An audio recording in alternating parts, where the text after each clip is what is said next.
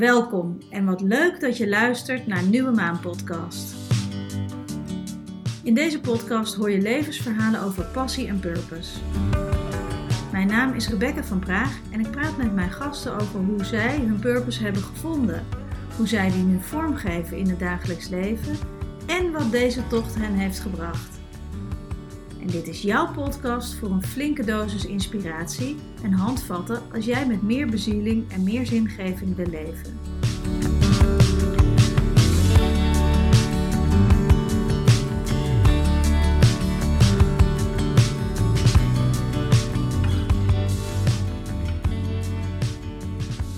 Ja, nou, dit is eh, de eerste podcast van eh, Bureau Nieuwe Maan. En eh, tegenover mij zit Marjolein Beek. Hi. Hi, een eh, vriendin, collega. Ehm, en eh, jij hebt, eh, nou, wij gaan samen een gesprek hebben over podcast Nieuwe Maan. Ja, ik ben helemaal vereerd dat ik de eerste nieuwe maan-sessie erbij mag zijn. Ja, Helemaal leuk. Dus ik ben benieuwd. Het is helemaal nieuw voor mij ook. Dus ik, nou, ik ga jou wat vragen stellen volgens mij. ja, Nou, vertel. hey, want ehm, je zei al, hè, wij zijn collega's.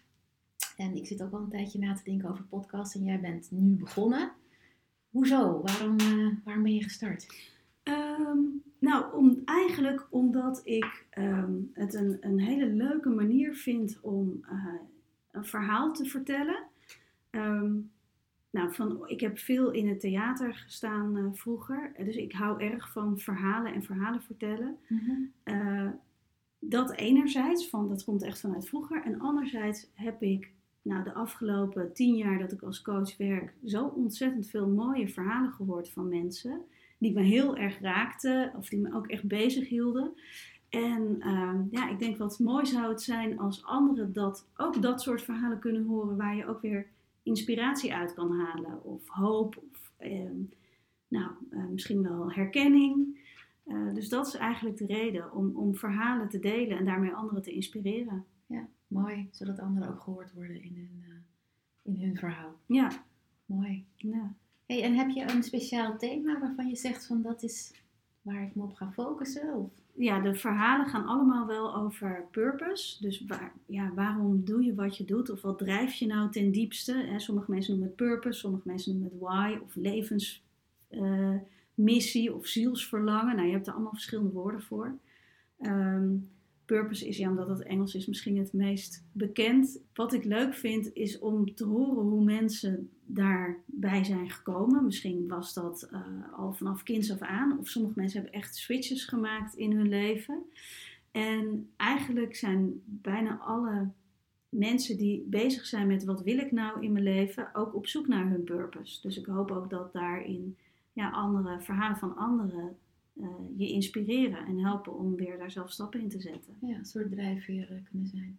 Ja, Hey, en ik, ik ken jou natuurlijk al een beetje wat langer. Dus ik weet dat jij ook een uh, switch hebt gemaakt in jouw, eh, in jouw werkleven. Kan je daar wat over vertellen? Misschien is dat ook een extra nou ja, punt geweest waarom je dit... eh, nou het is wel waarom ik ehm, veel herken bij mensen die daar zelf zoekend in zijn. Ik denk dat ik zelf ook echt heel lang heb gezocht naar wat wil ik nou Ehm, en wat moet ik nou.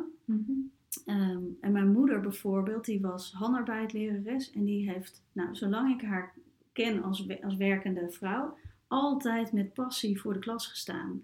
En ik heb dat altijd gezien en gedacht, ja, maar dat heb ik gewoon niet in werk. Ik kon me niet voorstellen dat ik iets zou doen wat ik zo leuk zou vinden en zo bevlogen daarin zou zijn. En ehm, eh, ja, en dat vond ik ook wel heel jammer. En ik had dan wel allemaal nou, ik vertelde net ook al dat ik theater eh, heb gemaakt. Dus in, een tijd lang dacht ik, ja, dat is het dan. Maar dat is ook heel moeilijk om daar echt eh, ja, je, je brood in te verdienen. En het werd ook wel, ja, je, je moet dan allerlei factoren moeten meezitten. En ik liep daar gewoon ook tegen mijn eigen grenzen aan.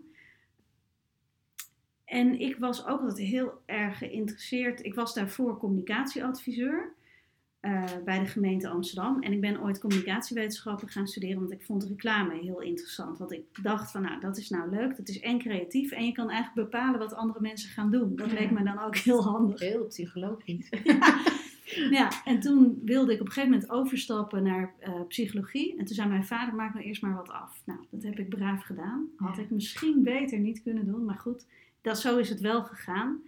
En eh, nou, uiteindelijk was ik, denk ik, 35 of zo, dat ik er echt wel tegenaan liep. Dat ik gewoon vast zat in mijn werk, in een, op een plek die ik niet leuk vond. In een organisatie die ik, nou, ik vond de gemeente Amsterdam op zich wel heel leuk qua mensen die er werkten. En ik vond het ook heel leuk om voor anderen iets te doen, dus voor de mensen op straat, zeg maar. Maar het, wat ik daar de hele dag deed, vond ik eigenlijk niet zo leuk. En ik, dus ik heb ook gemerkt hoeveel energie dat kost. Nou, en toen was het een lange zoektocht eh, naar wat dan wel. En eigenlijk wist ik het wel, want ik wilde gewoon coach worden. Maar ja, ja, wie ben ik om dan te gaan coachen, weet je wel. Dus er kwamen dan allerlei beren op de weg en overtuigingen die me in de weg zaten. En toen heb ik ehm, in 2008, dus toen was ik eh, 37, ben ik begonnen met een coachopleiding. En dat was echt wel een soort thuiskomen. Dat ik dacht, ja, maar dit, dit, dit, hier gaat het over. Ja. Hey, waar ik dan wel heel benieuwd naar ben, hè? want jij zegt van eh, ik, ik wist gewoon dat ik coach wilde worden. Wat, wat, wat was dat dan? Wat jij, soort, soort ingeving, soort, eh, heb je met een coach te maken gehad? Had je iemand in je omgeving? Hmm, Misschien stelde je daar een bepaald beeld bij voor, dat je dacht, oh dat Nou, ik wou, nou, in eerste instantie wou ik trainer worden, dus met groepen mensen. Dus ik dacht, ja, dat theater is het dan niet helemaal. Dan moet het ook, alles moet uit jezelf komen. Ik deed kleinkunst, dus dan... En, en ik vind met groepen mensen werken heel leuk. En wat ik heel gaaf vond aan het theater, is dat je iets kan bewegen bij de ander. Dus dat je iets vertelt of iets laat zien en dat dat een ander raakt. En wat ik dan helemaal leuk vond, is als dan mensen daar ook daarna iets over zeiden. Van, nou, dat vond ik wel inspirerend. Of dat, vond, dat heeft me wel wat gedaan. En bij de gemeente was ik ook eh, persvoorlichter. En dan vond ik het allerleukste als ik mensen had die echt gewoon enorme angst hadden om voor de camera te verschijnen. En met klotsende oksels. En dan naar mij kijken van wat moet ik doen. En dan daarin, dus dat, dat iemand ergens mee helpen of doorheen helpen, dat vond ik wel heel erg leuk. En in mijn eigen zoektocht, nou wat wil ik nou, ben ik natuurlijk bij een aantal verschillende mensen aan tafel gekomen. Coaches geval. Ja, coaches en, en eh, nou ja, eh, van, van zeg maar een hele eh oldschool loopbaancoach tot een heel intuïtief talentenspel met allemaal meditaties en visualisaties, zat van alles tussen. Ja. En ja, daarin kwam uit dat laatste, uit dat intuïtief spel, kwam heel duidelijk, ja, ik wil mensen bewegen. En wat ik heel leuk vond aan eh, in die coachopleiding ook was om te leren hoe het nou, ja, hoe dat nou A werkt in, in iemands perso- persoonlijkheid. Ja. En B, ja, in iemands systeem. En B, hoe je dat dan in gesprekken kan ja, aanraken. En dat er dan dus bij de ander kwartjes vallen of dingen opengaan of inzichten krijgen. Mooi. Dus ik had niet per se een heel helder beeld van zo ziet dat eruit. En heb ik een, eh, een werkkamer met eh, allemaal boeken en dan komen er mensen. Maar het was meer dat het ging echt over mensen raken op een of andere manier. Bewegen en ruiken. Ja, ja. En thuiskomen dus bij je opleiding. eh, ja dat was wel, ja, ja.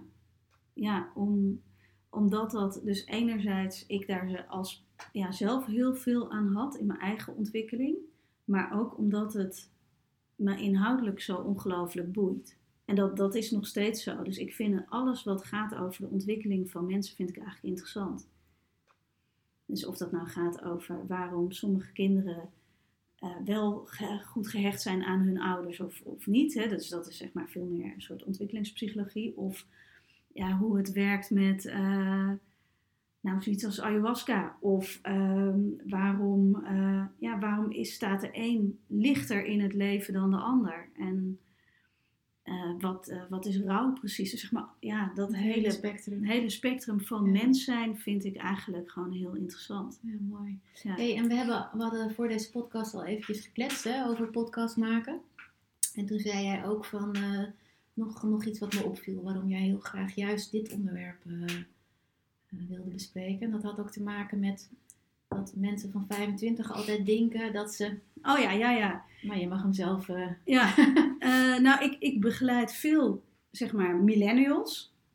Die, eh, nou, zeg maar, rond tussen de nou, 24, 34 ongeveer. Ja.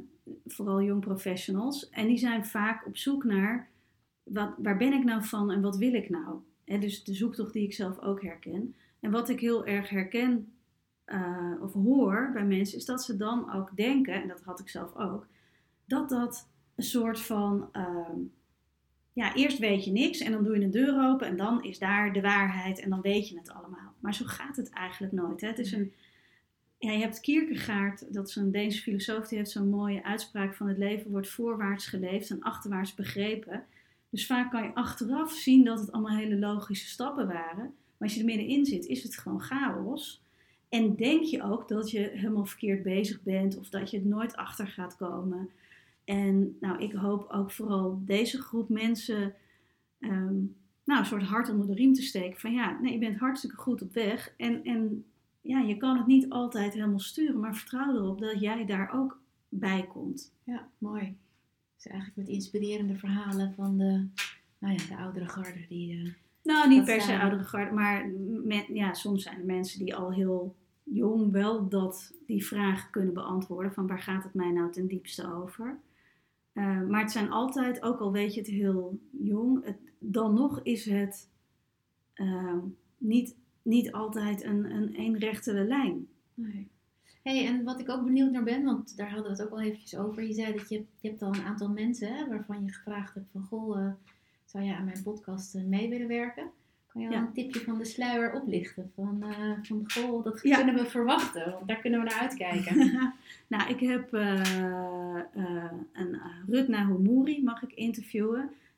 Zij is nou, een hele gepassioneerde vrouw als het gaat over inclusiviteit. Dus zij, haar passie is echt om Nederland en eigenlijk de hele wereld, maar ze houdt het dan nu even bij Nederland, eh, eh, inclusiever te maken. En dat komt ook voort uit haar eigen verhaal. Ehm, en nou, dat was ook een hele zoektocht om hier te komen. En ze heeft op een gegeven moment heel duidelijk gekozen. En ik zat ooit met haar in een soort ondernemersklasje. En toen ging zij vertellen, en dat is best wel lang geleden. En toen was ik echt, dacht ik, zo, als je zoveel passie en richting hebt, nou, wat gaaf is dat. Dus daarin heeft ze mij ook geïnspireerd. En eh, de eerstvolgende podcast is met Marco Rodi. En hij heeft ook een bijzonder verhaal. Hij was eh, marineofficier. En heeft de switch gemaakt naar eh, eigenaar van drie yogascholen. Dus waar van een hele, ja, zeg maar mannelijke, rechtlijnige wereld, zo noem ik het maar even. Hè. Dus ik heb Marco nog niet helemaal over gesproken. Dus misschien zie ik het fout, maar zo, dat is een beetje hoe ik het zie. Naar veel meer ehm, ja, bewustwording, eh, een, een, een hele spirituele kant van het leven eigenlijk. Dus dat, is, dat vind ik interessant in ja, dat je, die, hoe gaat dat dan, zo'n stap? Ja. Dus dat, eh, daar gaan we van meer over horen. nou, ik, eh, ik kijk er enorm naar uit, Rebecca. Dan, Ik ben benieuwd. Ja. Ik ga je zeker volgen. Wat is jouw purpose eigenlijk, Marjolein? Als je nou zo... Wat, waar, waar gaat het voor jou over? Want ik heb gezegd dat, dat wij ook collega's zijn. Dus Ja. we, we hebben min of meer hetzelfde soort werk. Ja. Maar wat is daar in jou? Nou, misschien is het passie? leuk dat je mij ook een keer eh, gaat, eh, gaat eh, interviewen over mijn, eh, mijn loopbaanweg. Ja? Ja, dat vind ik op zich ook wel leuk, want ik ben begonnen als psycholoog en ik ben nu weer psycholoog, maar er zit een hele cirkel tussen. Je hebt een detour genomen. Ik heb een detour genomen met enorme kronkels en eh, terugwegen en omwegen, maar uiteindelijk toch weer gekomen waar mijn passie ligt. Dus misschien is het wel leuk om daar een keer een podcast eh, over op te Nou, je nemen. bent van harte welkom. Lijkt me leuk. Ja. Ik voel me uitgenodigd. Ja, en dankjewel voor dit gesprek. Ja, en tot snel. Tot snel.